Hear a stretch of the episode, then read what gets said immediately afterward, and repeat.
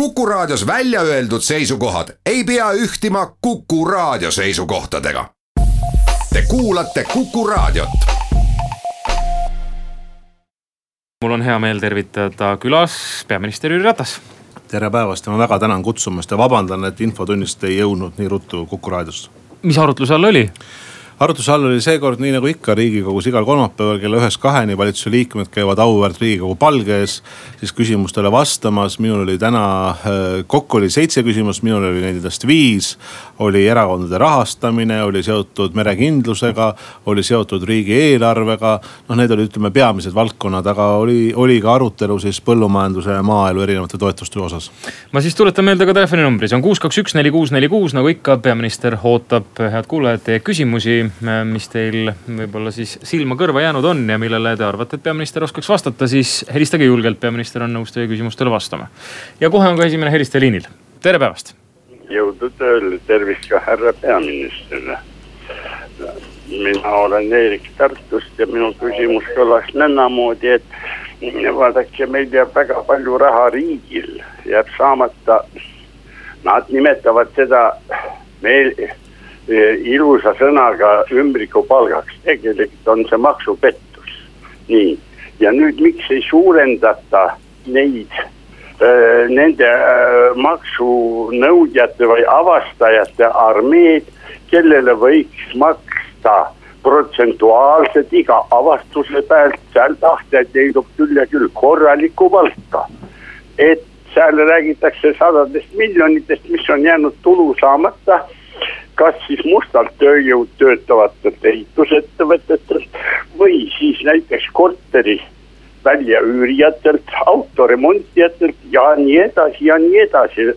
tähendab, ma toon näite, kus öeldakse, et Inglismaal, kui toimub Wimbledoni tenniseturniir, siis seal rajoonis, linnarajoonis suureneb märgatavalt maksu nende ametnike arv, kes vaatavad, kas majasid või korterid on välja üüritud mustalt. miks meie ei lähe sama teed, tähendab laske vähe küll suurt raha peab neile maksma, aga see tuleb mitmekordselt tagasi, aitäh aitäh küsimuse eest. ma tänan kõigepealt härra Eerikut, äh, tervitusi Tartusse vastu ja tänan ja jõudu tarvis et maksupettus tõesti, millest te räägite, väga oluline teema Eesti ühiskonnas, ütleme fiskaalpoliitiliselt seda nimetatakse maksuauguks. meie soov on muidugi see, et see maksuauk oleks võimalikult nullilähedane või täielikult null kas sinna suudame kuidagi, kas, kas see on ideaalolukord või see on töine olukord, see on kahe otsaga muidugi asi, aga selge on see, et ma tahan siin kiita selle küsimusele vastates selle raames maksu- ja tolliametit, kes ma ütleks, on teinud viimase viie-kuue aasta jooksul väga tugeva äh, kontrollimehhanismi loonud, väga jõudsalt suur, suutnud seda maksuauku vähendada. küsimus on ka loomulikult selles, et kui palju annab riik läbi oma eelarve ressurssi Maksu- ja Tolliametile, et eh, selliseid maksupettusi leida. ma arvan, need inimesed, kes on aktiivsed ühiskonnakodanikud ja teavitavad sellest, nagu te välja tõite, noh teie tõite välja, et tuleks neile preemiat selle eest maksta. aga, aga loomulikult, et, et siin on erinevaid võimalusi, üks on see teavitamisvõimalus, teine on ka teatud valdkondades, kus tehakse pöördmaksustamist. no näiteks ma tean seda, et üks viima-, üsna hiljutisi otsuseid oli metall, need firmad, kes toodavad äh, metalli või armatuuri. et selles sektoris seda maksupettuseid vähendada, ausat konkurentsi toetada ja maksuauku läbi selle, läbi selle vähendada oli, see oli üheks mehhanismiks. no te tõite äh, oma küsimuses sisse ka huvitava tennise võrdluse või, või Wimbledoni võrdluse. no ma ütlen natukene nüüd küsimusest kõrvale minnes, kindlasti mina ootan ka kahekümne esimesel novembril, kui Kontaveit ja Kanepi kohtuvad, et kes siis kelle, kes keda võidab. kuus, kaks, üks, neli, kuus, neli, kuus on taas helisenud, tere. tere, mul oleks kaks küsimust peaministrile. esimene, meil on ringhäälingu lubade äh, mingi teatud aastateks on ju, on antud äh, Kanal kahele, TV3-le on ju. aga nüüd on, nad on rikkunud ju seda seadust. Nad on võtnud äh, oma kanalid vabalevist ära ja pannud tasuliseks kas äh, on äh, riigil nüüd äh, võimalus üle vaadata need ringhäälingu load ja võtta TV3-l ära ja Kanal kahel. kuna nad on rikkunud, nad ei ole vabalevis enam saadaval. ja meil on nüüd peaaegu sada tuhat inimest, kes on nüüd tasuline selles äh, teleka selles. nii et meil on televisioon tasuline, ei ole enam tasuta. ja teine küsimus, kas äh, olete võtnud midagi ette äh, Tallinna Televisioonis meedia keskpunktis, kes nimetavad seda kannatanut, kes lasti maha hulluks minu arust ei saa inimest hulluks enne nimetada, kui on ta tunnistatud hulluks. minu arust oli täitsa normaalne inimene ja IT-inimene ja et ei saa öelda, et ta oli hull. tänan aitäh, kõigepealt esimene küsimus, et äh, ringhäälinguload ja vaba levi, et äh, teades ise ka, et äh, oma näiteks vanemate maakodus ja on, on ka minul vaba levi ja seal tõesti hetkel levivad ainult väga vähesed kanalid, on Rahvusringhääling oma kolme, kolme kanaliga, Tallinna Televisioon ja, ja ega seal suurt rohkem ei ole. Kui küsimus oli, et kas on kuidagi plaan valitsusel TV3 ja Kanal kahe load ära võtta, ei, ei ole plaanis seda. Ja kindlasti ma arvan, et meediavabadus on Eestis hästi oluline, sellest tuleb lähtuda, aga jah, vastus, konkreetne vastus teie küsimusele, ei, seda plaanis kindlasti ei ole. no teine küsimus äh, on muidugi hästi, kõigepealt inimlikult väga keeruline, et iga inimese surm on traagiline, traagiline tema lähedastele, tema perele ja, ja loomulikult ma alustan seda vastust kaastundega. aga on ka no, põhimõte, et tänavatel me ei ründa, me ei tekita selliseid ohtlikke olukordasid, me ei ründa politseid.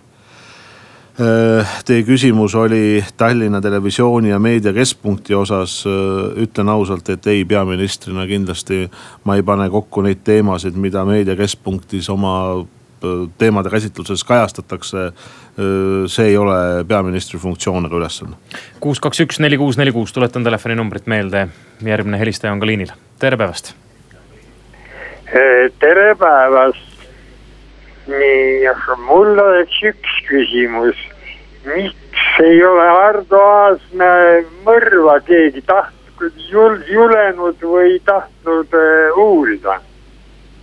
Äh, aitäh teile selle küsimuse eest, et äh, taaskord, kuna taaskord ka kaastunne loomulikult, kui selle traagilise, traagilise hukkumise osas ja Ardo Aasmäe puhul pean ma ütlema ka, et on teatud minul sihukesed isiklikud aspektid ka, see on seotud sellega, et Ardo Aasmäe oli taasiseseisvunud Eesti või vahetult selle perioodi alguses, ütleme eelneva perioodi alguses Tallinna linnapea minu isa näiteks kuulus ka sellesse linnavalitsusse, ta tegi seal keskkonnanõuniku tööd ja ma arvan, et kõik Tallinna endised ja tänased linnapead mingil määral tunnetavad seda ametikohta, kuna ka mina olen olnud Tallinna linnapea, siis eh, eks see isiklik äh, mõte või, või, või side ole kindlasti siin ka olemas äh, härra Aasmäe puhul kes tõesti kahjuks äh, on meie hulgast lahkunud. ma olen kindel, et politsei tegi ja teeb oma parima igasuguste selliste juhtumite uurimisel, aitäh.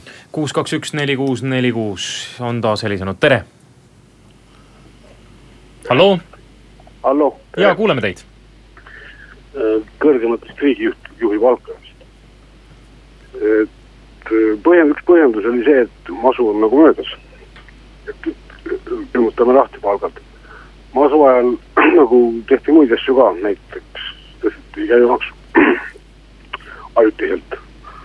käibemaksu alandamisest ei räägi nagu keegi, järelikult ei ole masu möödas. järelikult ei ole ka põhjustki riigi, riigijuhtide palka tõsta või riigiametnike palka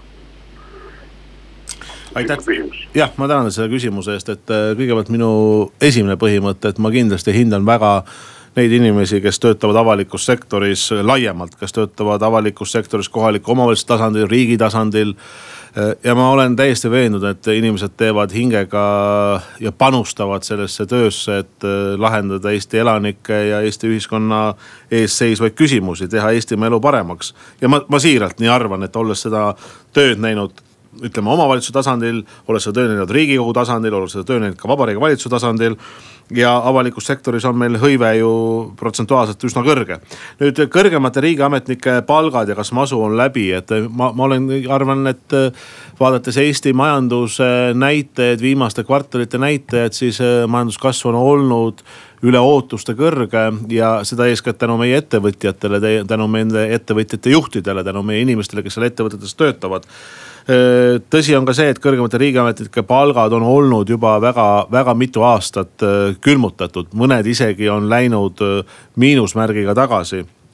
ja nüüd on küsimus selles, et kas valitsus ütleb, et see ei ole oluline küsimus, me seda ei tee või me selline lahenduse leiame. jah, ma pean õigeks, et siin tuleb tegelikult lahendus leida. kõrgemate riigiametnike palgas on väga mitmeid ametikohtasid, mitmeid-mitmeid, mis tegelikult hakkavad sellele palgakonkurentsile survele, kui me vaatame, mis on sellel turul näiteks noh, juristide valdkonnas, majandusvaldkonnas, finantsistide valdkonnas, juhtide valdkonnas kindlasti hakkavad jalgu jääma ja alati on see võrdlus ju avaliku ja erasektori palgatasandi võrdlusel. teine küsimus on see, mida kindlasti paljud raadiokuulajad äh, soovivad ka teada, et see on seotud ka vabariigi presidendiga, see on seotud riigikogu liikmetega, see on seotud valitsuse liikmetega. minu teada siin on äh, tulenevalt seadusest on, on nii, et, äh, et kõigepealt riigikogu liikmete palgad ei tõuse selles koosseisus kui, see otsus tehakse riigikogu poolt, siis see saab alles jõustuda järgmises riigikogu koosseisus, mis on neljateistkümnes. ja ajaliselt on see kaks tuhat üheksateist aprill. kui seda otsust täna ei tee, siis põhimõtteliselt me võime öelda, et kõikide riigiametnike palgad jäävad külmutatuks kuni aastani kaks tuhat kakskümmend kolm. no näiteks riigikogu liikmete palgad ja see on siis juba üle kümne aasta, nii et äh, ma arvan seda, et erinevad valdkonnad, olgu see kohtunikud või, või peaprokurör ja nii edasi. tegelikult väärivad küll see ametikoht, institutsioon seda seda, et, et nüüd selles küsimuses edasiminek teha. kuus, kaks, üks, neli, kuus, neli, kuus on taas helisenud, tere. tere, härra peaminister, ma pöördun oma eelmise küsimuse juurde tagasi. kuna me olime Hardoga lapsest saadik nagu vennad suur aitäh helistamast, sellele küsimusele on peaminister juba vastanud, anname teistele ka võimaluse. kuus, kaks, üks, neli, kuus, neli, kuus. ootab siis küsimust, järgmist küsimust peaminister Jüri Ratas ja telefon on helisenud, tere tere päevast, mul oleks härra peaministrile kui keskerakondlasele jätkuvalt selline küsimus. kas on äh, teil samasugune seisukoht Tallinna TV jätkamise suhtes äh, jätkuvalt järgi? et selle rahaga ei ole Tallinnas mitte midagi peale paremat hakata. aitäh, aitäh teile küsimuse eest, ma pean tunnistama, et äh, vahepeal ma arvan, ka saatejuht ise, siin oli mingi väike paus, ei kuulnud küsimust, aga ma saan aru, küsimus oli Tallinna Televisiooni mm -hmm. kohta. ja ma tuletan, et selle, selle lõpp, lõppu kuulates, et kas ei ole midagi paremat selle raha eest teha, äh, kui pidada üleval televisiooni, et vastus on jätkuvalt kindlasti see, et Tallinna Televisioon on punkt üks, kui seda üldse tehakse, volikogu otsus, punkt kaks kui seda volikogu on nii otsustanud, peab olema see kõigile kättesaadav, see ei saa olla ühe erakonna televisioon, see peab olema eeskätt linnainfo kajastamine linna info edasiandmine ja loomulikult Tallinna Televisiooni juhtimine, nõukogu, programmi ülesehitus peab, ei, ei tohi mitte mingil juhul olla ühe erakonna käes ja peab olema võimalikult mitte, ta ei pea ainult näima, vaid ta peab ka olema läbipaistev, avatud. kuus, kaks, üks, neli, kuus, neli, kuus on taas helisenud, tere päevast tervist, härra peaminister. selline küsimus äh, natuke karistuspoliitika kohta, et, ähm, et äh, mida teie nagu arvate sellest, et ähm, noh, toome situatsiooni, kus inimene on äh, noorpõlves kakskümmend aastat tagasi saanud karistada kriminaalkorras mingi sead-, noh näiteks ähm, tekitas mingit kuskil mingit varalist kahju, eks ole, ja, ja inimene sai karistada. tegemist on sellise tänaseks päevaks äh, äh, korraliku inimesega, haritud spetsialistiga, kes tahaks nagu riigisektorisse tööle saada, aga ta ei saa, sellepärast et on see märge küljes kahekümne aasta tagusest ajast, et, et kas seda peab nagu, kas see peakski nii olema, et inimene on saanud karistuse ja, ja, ja ta kannab seda taaka ka terve elu. et, et ehk siis ta on terve elu karistatud selle eest aitäh, ma olen õppinud Tartu Ülikooli õigusinstituudis ja sellega lõp lõpetanud, see põhimõte on see ju õigusriigis, et kui inimene on oma karistuse kandnud, kui see aeg on saanud läbi. siis tegelikult mina arvan seda, et ja kui inimene on sellest oma järeldused teinud, siis inimesed peaksid kindlasti konkure-, saama konkureerida turul, sealhulgas ka avalikus sektoris. aga jah, see eeldab seda, et need, need ajad on möödunud, need ajad on läbi, et et teie näide tuli, ma saan aru, nooruspõlvest, kui kellelgi on juhtunud mingisugune vale tegu. mina usun sellesse, et inimesed õpivad ja õpivad selgelt oma vigadest, väga ränkadest vigadest, teevad järeldused ja kindlasti see, et inimesed tulevad ühiskonda tagasi, ühiskonda elu, ellu tagasi aktiivseks ja paremaks ühiskonnakodanikuks on, on tähtis. kuus, kaks, üks, neli, kuus, neli, kuus on taas helisenud, tere. halloo. tere päevast, härra peaminister. tere päevast. Üks selline küsimus Eesti julgeolekupoliitilisel teemal. oma varasemates esinemistes olete öelnud, et lühiajaliselt teie ohuhinnang ei näe ette Venemaa rünnakut, aga samas pikaajaliselt seda me ei tea, mis nad plaanivad. praegu kuuldavasti NATO kaalub täiendavate taktikaliste tuumarelvade paigutamist Euroopasse. Saksamaa seda ei tahtvat, kas Eesti ei tasuks kaaluda tuumarelva paigutamist siia? Aitäh äh, teie küsimuse eest, Eesti ohuhinnang ei ole muutunud, Eesti, mul ei ole mingit põhjust öelda, et Eesti kuidagi ohuhinnang lühikeses või per, pikas perspektiivis on, on kuidagi hüsteeriat tekitav, ei ole. Eesti on rahulik riik, see on peaministri ülesanne öelda konkreetselt edasi see sõnum, mis peaministril on olemas. meie kaitseringkondade käest ja see on see, et Eesti ohuhinnang ei ole muutunud. Eesti on kaitstud, kaitstud eeskätt oma inimeste poolt, kaitstud selle poolt, et Eesti ühiskond on võimalikult sidus ja ühtne. aga kaitstud ka selles osas, et Eesti kuulub Euroopa Liitu, Eesti kuulub NATO-sse, me oleme mõlemas liidus väga aktiivsed liikmed. me täna näeme seda, et EFP raames on tegelikult Tapal meie liitlased, näiteks Suurbritanniast, näiteks Prantsusmaalt, kes vahetub välja nüüd Taani vastu nii et Eesti on kaitstud, kaitstud riik, kui te küsite tuumarelvade osas, siis äh, ma arvan, et Eesti ei ole see koht, kus tuumarelvasid äh, paigutada, aitäh. kuus, kaks, üks, neli, kuus, neli, kuus on helisenud taas, tere. Äh, tere päevast, härra peaminister mul oleks küsimus nende palkade suhtes, et soovite tõstada, ma, ma tooks ühe kiire näite, et. et te pole nagu ise seal tööd teinud, vetelpäästja koera seadus on vastu, vastu võtmata ja siis ütleme ka arstid, kes annavad ilu, neid ravi, eh, neid ei kontrollita, tähendab loomaarstid teevad neid iluraviprotseduure, et patsiendid pole kaitstud. Teie küsimus, palun. Eh, kohe tuleb küsimus, et, et miks te tahate, kui te seal nagu tööd ei tee, et miks te siis soovite nagu eh, tõsta omal palka. üks küsimus on veel, kui te, te teete bussi, tähendab mitte küsimus, et. piirdume küsimustega, aitäh, me saime küsimusest teada ma tänan selle eest, et ähm, no ma, ma töötan Vabariigi Valitsuses, et äh, et see, kas ma teen siin tööd või mitte, et, et loomulikult see on kõrgema võimu hinnata ja see on Eesti elanikud, kes on kõrgem võim, see on teie hinnata. Äh, ja valitsuse liikmed on tõesti ka ühed, kes on selle kõrgemate riigiametnike ametipalkade redelis siis sees, nagu ma ütlesin riigikogule, sarnaselt ka siis valitsusele. kindlasti valitsus, tänane valitsus endale palka tõstma ei hakka ja see palgatõus, kui see peaks jõustuma, jõustub siis järgmisele valitsusele ja peale järgmisi valimisi.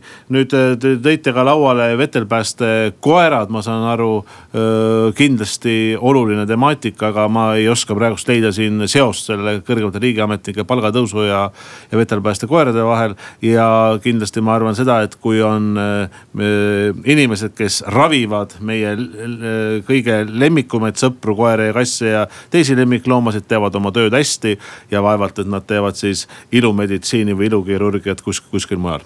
kuus, kaks, üks, neli, kuus, neli, kuus on taas helisenud, tere tere, hea meel oli kuulda, et äh, austatud peaminister ei poolda Eestisse tuumarelva paigutamist. tõepoolest, kui tahaks Eesti julgeolekuolukorda hüppeliselt halvendada, siis Sankt-Peterburi kõrvale tuumarelv panna on just täpselt see, mida oleks tarvis teha.